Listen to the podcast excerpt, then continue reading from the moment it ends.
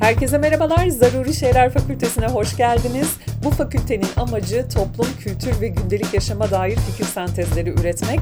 Beni fakültenin sözcüsü olarak düşünebilirsiniz. Normalde ben bir akademisyenim ve burada anlatacaklarımı uzun yıllardır çeşitli üniversitelerin iletişim fakültelerinde anlattım ve anlatmaya devam ediyorum. Bu podcast yayını kürsü sorumluluğunun genişletilmiş versiyonudur. Keyifli dinlemeler. Dünya Kadınlar Günü herhalde en çok yanlış anlaşılan özel günlerden biri. Bu yanlış anlaşılmaya böyle çiçek, çikolata ve hediyelerin de iliştirilmesiyle bir gelenek haline gelmiş çok enteresan bir şekilde. Ama tabii biz tarihte kapitalizme getirdiğimiz hangi eleştiriyle bir şeyleri değiştirebildik bu da ayrı bir konu. Gönlümüzü soğutuyoruz diyelim. Şimdi Dünya Kadınlar Günü olarak bilinen bu özel gün aslında Dünya Emekçi Kadınlar Günü.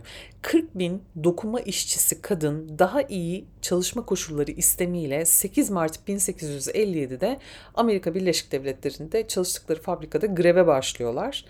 Ve polis işçilere saldırıyor. Bu kadınları fabrikaya kilitliyor ve ardından yaşanan o arbedede bir yangın çıkıyor ve o yangında 129 kadın işçi ölüyor.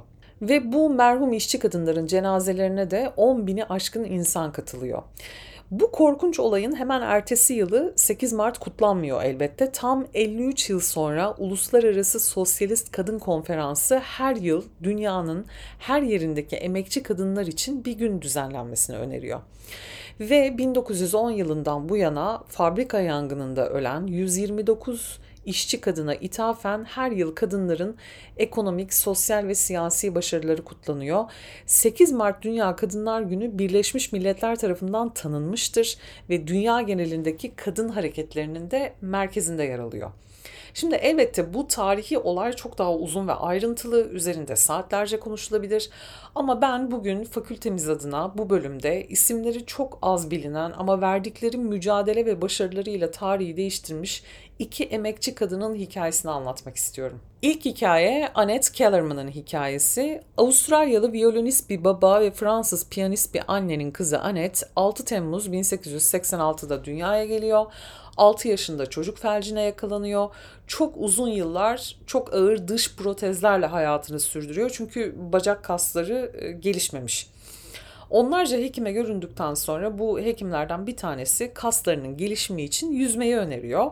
Böylelikle Anet yüzmeye başlıyor e, ve çok uzun bir süre yüzüyor. 15 yaşına geldiğinde artık tamamen fizyolojik olarak iyileşiyor ve 100 metre serbest stilde bölge şampiyonu oluyor ve gittikçe daha da keyif alır hale geliyor yüzmekten.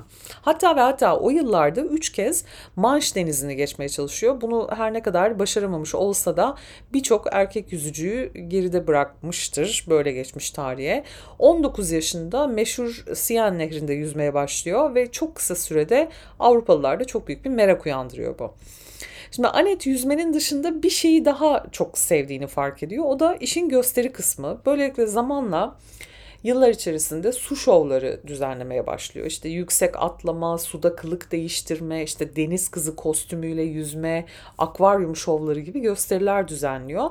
Fakat çok ciddi bir sorun var o yıllarda. Kadınların yüzerken giydikleri mayolar yani bizim bildiğimiz mayo değil çok daha farklı daha böyle elbisemsi bir şey giyiyorlar. E, bu mayolar son derece ağır ve kullanışsız giysiler. Ya tabii buna Victoria döneminin hoşgörüsüzlüğünü de eklemek gerekiyor. Çünkü 1903'e kadar kadınların gündüz denize girmeleri yasakmış o yıllarda. Anet diyor ki, mayo her şey için uygun, yüzme hariç. Böylece kadınların suda rahat etmelerini sağlayacak bir giysi üzerinde düşünmeye başlıyor kağıt üzerinde tasarımlarını yapıyor ve kendi iç çamaşırlarını birleştirerek elinden geldiğince elde dikiyor. Yani bir tevi bir vücut taytı gibi düşünün. Kollar ve bacaklar kapalı ama vücuda yapışık. Ve bu yeni mayosunu da İngiliz kraliyet ailesi kendisini yüzmeye davet ettiğinde giyiyor ve günümüz tabiriyle ortalık ayağa kalkıyor. Yani izleyiciler son derece öfkeleniyor. Fakat Anet farkında olmadan kadınların hayatında bir devrim yapmış oluyor. Ve zaman geçtikçe mayonun kol ve bacak kısımlarını gittikçe daha da kesiyor. E, bu kol ve bacak kısımları kısaltması Amerikan polisinin çok e, dikkatini çekiyor. E, çünkü Amerikan polisi bunu çok aşırı olarak nitelendiriyor ve 1907'de Massachusetts'te Annette'i tutukluyor. Mahkemeye çıkıyor ve savunmasını sporcu alanına bağlı teknik bir zorunluluğa dayandırıyor ve beraat ediyor. Anet'in adaletle olan bu çekişmesi tasarladığı mayoyu dünya çapında bir üne kavuşturuyor ve bu durum e, Annette'i mayosunu ticarileştirmesi için teşvik ediyor. Elbette Annette e, Hollywood'un da ilgisini çekiyor ve 20 kadar filmde oynuyor. E, daha sonra menajeriyle evleniyor, kitap yazıyor ve Kaliforniya'da vejetaryen bir dükkan açıyor. Ayrıca Güney Denizi efsaneleri üzerine de bir tane çocuk kitabı yazıyor. Ve ömrünün sonuna kadar yani 89 yaşına kadar yüzüyor.